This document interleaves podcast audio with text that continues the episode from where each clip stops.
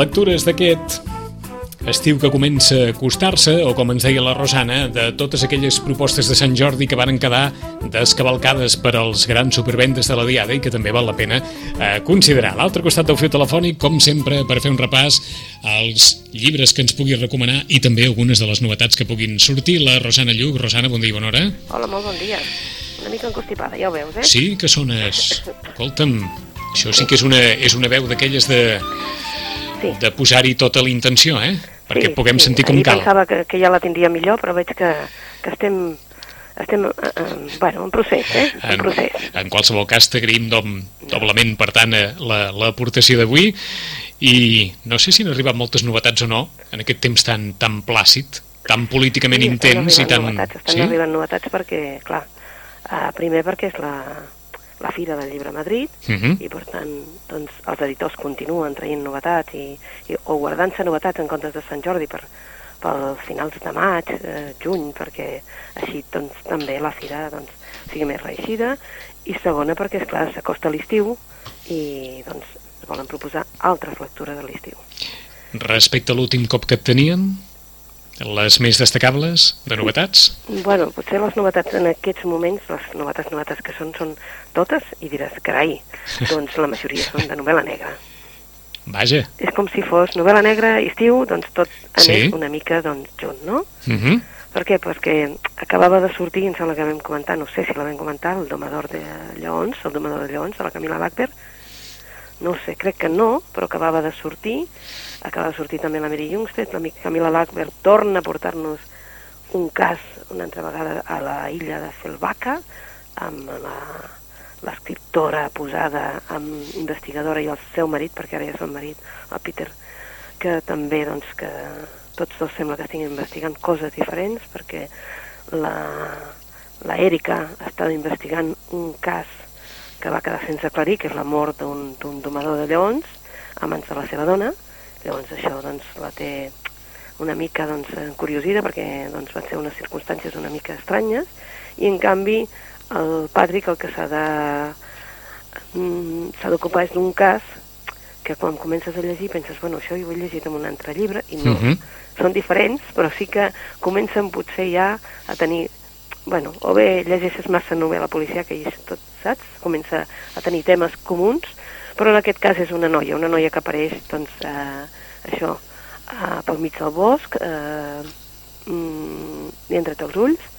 Eh, Caram. també la veritat és que l'han ferida molt, molt perquè no pugui parlar i per tant Mhm. tampoc la, no té llengua i clar, va esma perduda pel bosc i la troben amb un clar per tant les seves circumstàncies són extremes i llavors això al Patrick li arriba i ell està convençut de que això té a veure amb casos de noies perquè aquesta noia, eh, la Victòria havia desaparegut feia més de 4 mesos i per tant ell pensa que hi ha un, un cas així que podria ser doncs comú a moltes altres noies perquè han desaparegut i no se sap exactament què està passant amb tot això. Uh -huh. Llavors bé, ell estira d'aquest fil mentre doncs ell està estirant d'un altre fil. Eh?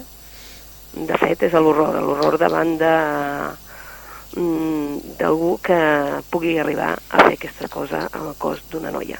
Torn, tornem a repetir la novel·la? El La nom? novel·la es diu El domador de lleons. El domador de lleons. Sí, eh? és de la Camila Lackberg, perquè Mhm. tothom que segueix a la Camila Lackberg ja, doncs, ja se situa, la illa de Felvaca, una illa que aparentament hauria de ser tranquil·la i resulta doncs, que, no hi, que passa absolutament de tot. Eh? Eh, Aquesta és una lectura especialment dura, em sembla, eh? Sí, sí, el que passa que s'ha de dir que, que potser més el, el to que ha agafat el, el, el, el dir-ho, que després ella eh, l'escriure-ho, eh? perquè la Camila normalment no fa novel·les tan, tan dures. A mi també Mhm. m'ha sorprès el tema, perquè un tema una mica semblant havia aparegut en una altra eh, en una altra novel·la, Sí. també sí, de la Karin Slaughter, mm? Uh, I clar, he pensat, home, jo això ho he llegit. No, no ho he llegit perquè és diferent i és una altra novel·la. Però sí que aquest cas d'aquestes noies que doncs, els hi feien de tot, els hi treien, saps allò, uh, bueno, les, els hi, perquè no poguessin parlar, perquè no sapiguessin on eren, etc etc. doncs, Sí. realment doncs, era, era semblant. Mm. Doncs El domador de lleons, de Camila Lappberg, diguem-ne, una de les novetats en, en novel·la negra Sí. de cara a aquest estiu de la, de la llarga llista en català i en castellà, Rosana? Sí, en català i en castellà. Sí, en català és Amsterdam i en castellà, com sempre, Maeva. Perfecte. Alguna altra novetat que hi podem afegir? Doncs bé, una novetat que a partir d'ara doncs, començarà a ser una de les més, més, més, doncs, perquè penseu que l'editar de la campana, ja sabeu que l'editora de la campana, quan es proposa alguna cosa, doncs ho aconsegueix, i Ahà. és que doncs ella sí que fila molt prim quan compra una novel·la, i per tant eh, l'apoya moltíssim, i llavors doncs, està sempre pendent de, de què. Um, es diu La noia del tren, de la, La noia Paula del tren? Hawkins Uh -huh. torna a ser una novel·la negra, no ens equivoquem, ha estat número 1 en el, en el Regne Unit i també als Estats Units, perquè doncs, és una novel·la doncs, bastant psicològica, eh? perquè el, el títol ja diu tu no la coneixes, ella a tu sí.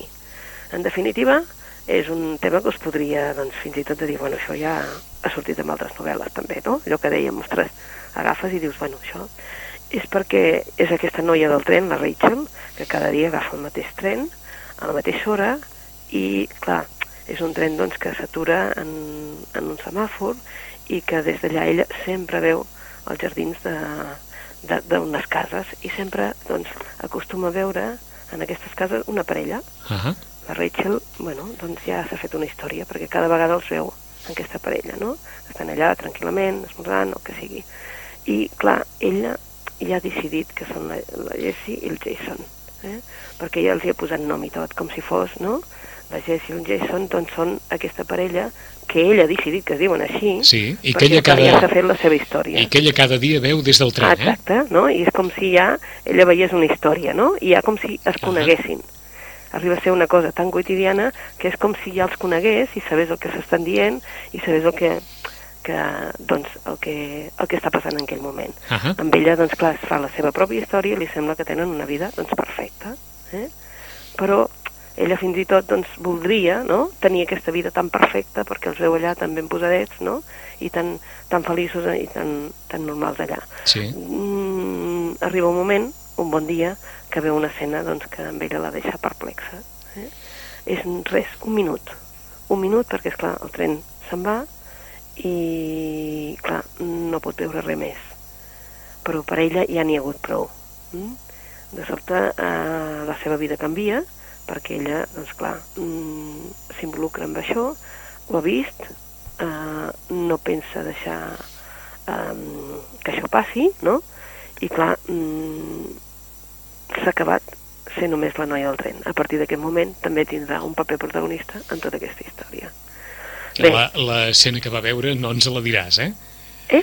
La L'escena que va veure no ens la diràs, no, eh? no, no, clar, perquè és, és, és el punt, no? Fins a quin punt... És a dir, ella va veure alguna cosa Sí, que, és el que ens que, la la- novel·la. que eh? l'embolicarà dins aquesta història de la parella. Això és el que ens diu la novel·la, eh? Ahà. Després tu, quan comences, no? Ja et dic que tot és bastant Entesos. Eh? Mhm. O sigui, tu et poses al costat, no? I vas veient i, i te'n vas adonant de que potser, no? De vegades el, el narrador t'enganya també, no? Uh, en definitiva. Mm? O sigui que, que per ella aquesta parella no serà tan estranya al final, eh? No, no, no, no. Bueno, ja formen com aquell... Vull dir, ja són part de la seva vida, no? Ha estat traduïda a 42 llengües. Caram. Per tant, serà una novel·la de la qual se'n parlarà molt i molt, eh? Està en català i en castellà. Jo us la deia en català, de la campana, però el Planeta també l'ha editada en castellà. D'acord. La Sí. noia del tren, eh? La noia del tren, sí, sí. Eh, de fet, ja et deia, no?, que l'editora doncs, hi ha posat absolutament tot perquè doncs, vol que, que sigui la novel·la de l'estiu, ella vol que sigui la novel·la de l'estiu, jo crec que també sé que, que quan vol ho, ho aconsegueix, no?, va aconseguir que tots llegíssim eh, el Sánchez Pinyol, no?, Sí. i en principi doncs, és, un, és una editora, no?, és una editora que, que està molt segura. És a dir, que quan fa una cosa, normalment, quan l'apoya vol dir que ella n'està segura i ens ho vol transmetre. I això també, com a llibreter, també t'agrada perquè dius, bueno, de vegades no coincideixes amb ella, però sí que és veritat que fa una feina extraordinària. Mhm. I per això és aquesta que, que dius, bueno, eh, us recordem que també ella va ser la que va traduir eh, La veritat sobre el cas Harry Quever, que també va ser un èxit ex- extraordinari, doncs ara ens porta aquesta La noia del tren. D'acord. Eh?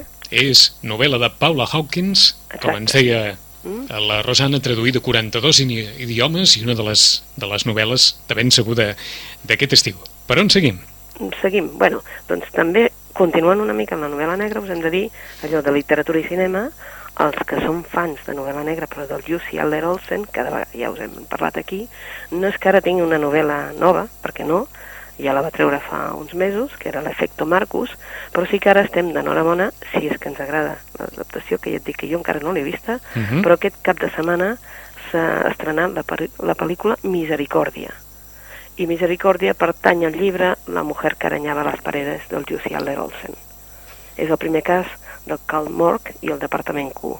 De vegades n'hem parlat d'aquestes novel·les, són novel·les en el que doncs, és un departament dintre de la policia eh, que ben bé, clar, no està ben mirat perquè resolen els casos que la policia no ha pogut resoldre. Ells són policies, eh? Ah però resolen els casos que no ha pogut resoldre la policia. I ells no volen pertànyer, diguéssim, ni estan al mateix lloc que la comissaria normal, sinó estan en un sòtan, diguéssim, perquè ells volen estar fora de tothom i fer la seva. Entrar, sortir, venir mm, i fer absolutament el que volen. És el Cal Morc i el seu departament, que en aquest començament són dos, eh, l'Assad, que és un noi que ja veurem que fa gràcia perquè, és clar, el tradu quan el tradueixen ja veus tu que té algun problema de llengua i és perquè no és del país, i la noia, mm, la Rosie, la Rosie és que un dia et pot aparèixer de vestida així en plan gore tot negre, un altre dia completament diferent, i tu ja veus que hi ha un problema doncs, de personalitat o alguna cosa més. Però que és increïble com aquests tres tres no paren, no paren hasta resoldre el cas. I els casos normalment tu estàs veient què està passant i veus com els tenen darrere, darrere, darrere, i en canvi, doncs, clar, arriba un moment que evidentment es resolen el cas. Ja us diem que al juliol hi ha la segona pel·lícula, que és Profanación, Sí, i que pertany a una altra novel·la que era Los chicos que cayeron en la trampa. Són novel·les que us aconsellem, però allò, paraula, paraula de llibreter, pam, eh?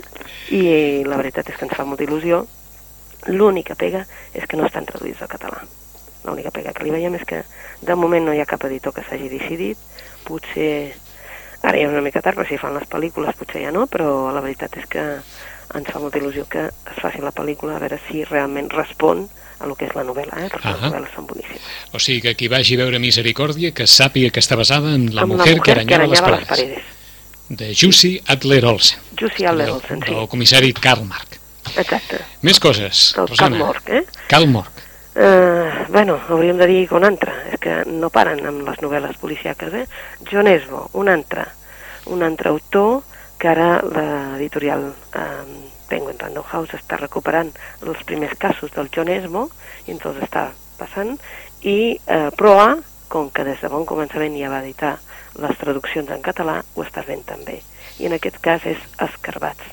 Escarbats, el que ens parla és de Harry Hall, és el, un, dos, em sembla que és el, el segon cas del Harry Cole, eh?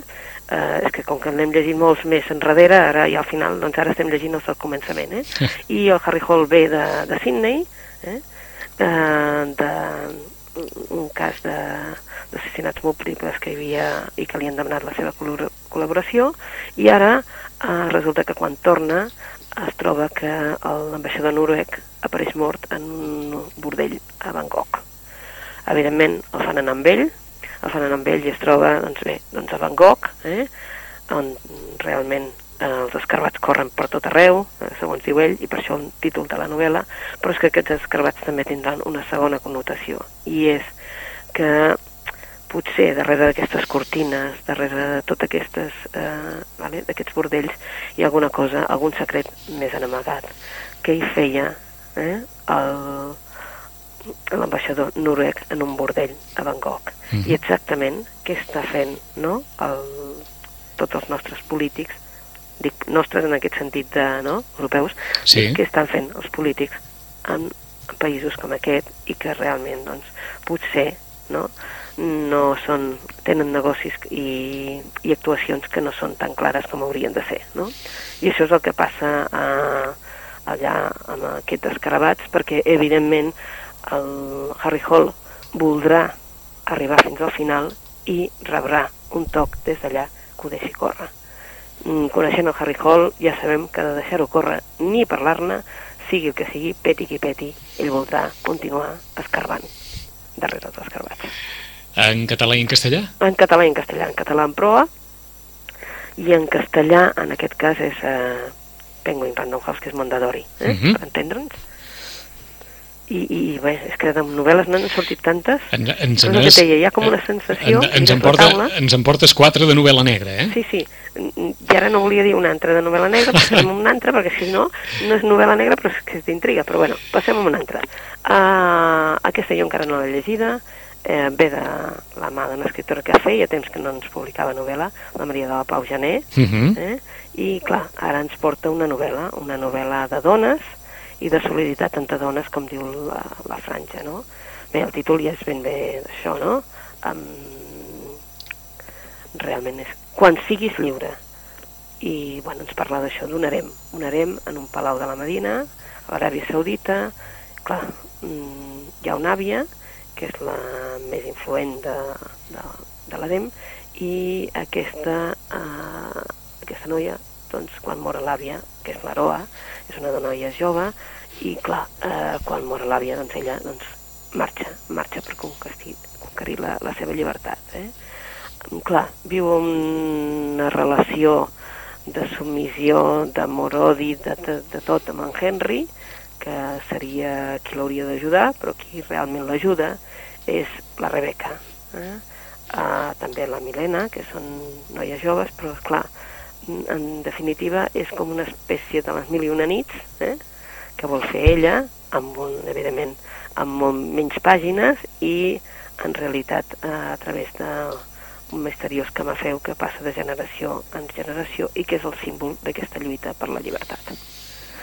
Una novel·la que promet, no sé si realment, doncs, eh, jo et dic, jo feia temps que no recordava que la meva Pau Gené ara feia temps que no publicava. Uh -huh. És el que anava a preguntar. Temps, molt de temps, eh? Sí, sí, sí. Jo, jo ara et deia, és que fa molt de temps que la Maria Pau Gené no publicava, no? S'ha dedicat potser més als mitjans de comunicació, perquè jo vaig preguntar, dic, és que, clar, dic que ara feia molt de temps. I sí, sí, sí, és que crec que era... Pues no et diria que... Que 10 anys, 15? Bueno, no, potser que, que les cartes que sempre he esperat va ser el, dos, el 2010, potser. Uh -huh. Vull dir que ja en fa 5, però, Sí. però clar, tots els premis que rebia, tant, tant el Premi Sant Jordi el 97, eh, Llull el 99, no?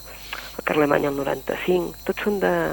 I el Premi Planeta em sembla que va ser el 2005, que és el que tu deies, no? 10 anys, no? Que va rebre el, el Premi Planeta. Uh -huh. És que, esclar, per mitjans de comunicació sí que ha aparegut molt, Sí. Maria de la Pau Gené, Sí. Però en canvi des del punt de vista literari no ha estat tan present, eh? No, no, la veritat és això que deies, que, que potser la, la recordem de- doncs d'això, del Premi Planeta, Ah, del 2005, per tant 10 anys, que és el que tu deies, i, i clar, des de llavors, novel·la, novel·la, no ens en havia portat, i per Ahà. tant, doncs, dèiem, carai, feia temps que no sortia la, vull dir que no sortia res de la Maria Pau Gené. uh -huh. L'esperem amb allò, saps, amb, a veure què, a veure què ens, què ens explica. Alguna coseta que no sigui novel·la negra? Rosana? Alguna coseta que no sigui A veure. novel·la negra. Doncs eh, un llibre diferent, un llibre diferent que ve de la mà de l'Antoni Moner Jordà. L'Antoni Moner Jordà està Mhm. ficat aquí a Vilanova des de fa uns anys, eh? i l'Antoni Moner Jordà és el que durant molts anys ha treballat a publicacions de l'abadia, portant revista, etc. però també eh, per, per tots nosaltres és el- l'especialista en ciència-ficció en català. Fantasia i ciència-ficció en català. Ah. És el coordinador i el promotor de la, de la única mm, col·lecció de novel·la de ciència-ficció en català que la publica Pagès. Ell n'és el coordinador, és el que selecciona, i la veritat és que, esclar, el que passa que costa perquè, esclar, ciència-ficció i en català doncs costa, eh? Però també la veritat és que ens fa gràcia perquè sempre troba a autors catalans de ciència-ficció, no només traduccions, sinó autors catalans, no? I, per exemple, fins i tot el Pedro Aloi és en la col·lecció, evidentment, no? Però ara és ell qui presenta una novel·la, la presentarem aquí dins, dins de pocs dies, es diu Micheliada. I, clar, és de l'editorial Males Herbes, una editorial independent que està sortint amb força, que vol fer coses diferents, i en aquest cas s'ha posat com a emblema fer coses, doncs, fora del temps. I dintre de fora del temps hi ha aquesta novel·la. Eh? Una novel·la en la que, bé, tenim una guerra que, que és com un espectacle, els mitjans de comunicació, evidentment, mm, retransmeten les guerres per tot el món com si fos realment un partit de futbol, no? Mhm. i de fet doncs, s'han d'enfrontar amb els islamistes en un conflicte que ja porta més d'un segle. Això a tots ens recorda molt, no? doncs una situació que realment ens sembla que ens estigui passant. No? En definitiva, eh, el Michelin i el seu petit grup de mutants han estat enviats al front eh, per dues raons. Per una banda, guanyar la guerra i per altra, augmentar els índexs d'audiència. I per això és que diem que es diu Micheliada. Eh? Mm, és com si ell eh, hagués tornat eh, no? a llegir-se la Ilíada, a revisitar-la, escena per escena, ambientant-la en un futur proper. Dit així, sembla que sigui molt difícil de llegir, i no ho és. Ho sembla, eh? Ho sembla, perquè clar, si tu dius revisitem la Ilíada i dius, on hi ha? Ah, primer, potser, no? Hauríem de recordar la Ilíada. No, no. Uh, en definitiva és una novel·la, una novel·la en la que tu hi entres i és uh, això, no? El que veus que hi ha uns éssers mutants, però ja et dic que és per aficionats a la ciència-ficció i en català. I si en voleu una entrada molt bona, que no, jo diria que no la vam recomanar, La casa de les miniatures, no sé si la vam recomanar. No. Uh, sí. Uh, espera. Ara no t'ho sabria dir, però Oh, ja, no necessito, necessito alguna cosa que m'apunti al llibre per recordar-la. Mira, la casa de les miniatures és Amsterdam, és l'època... En vam parlar.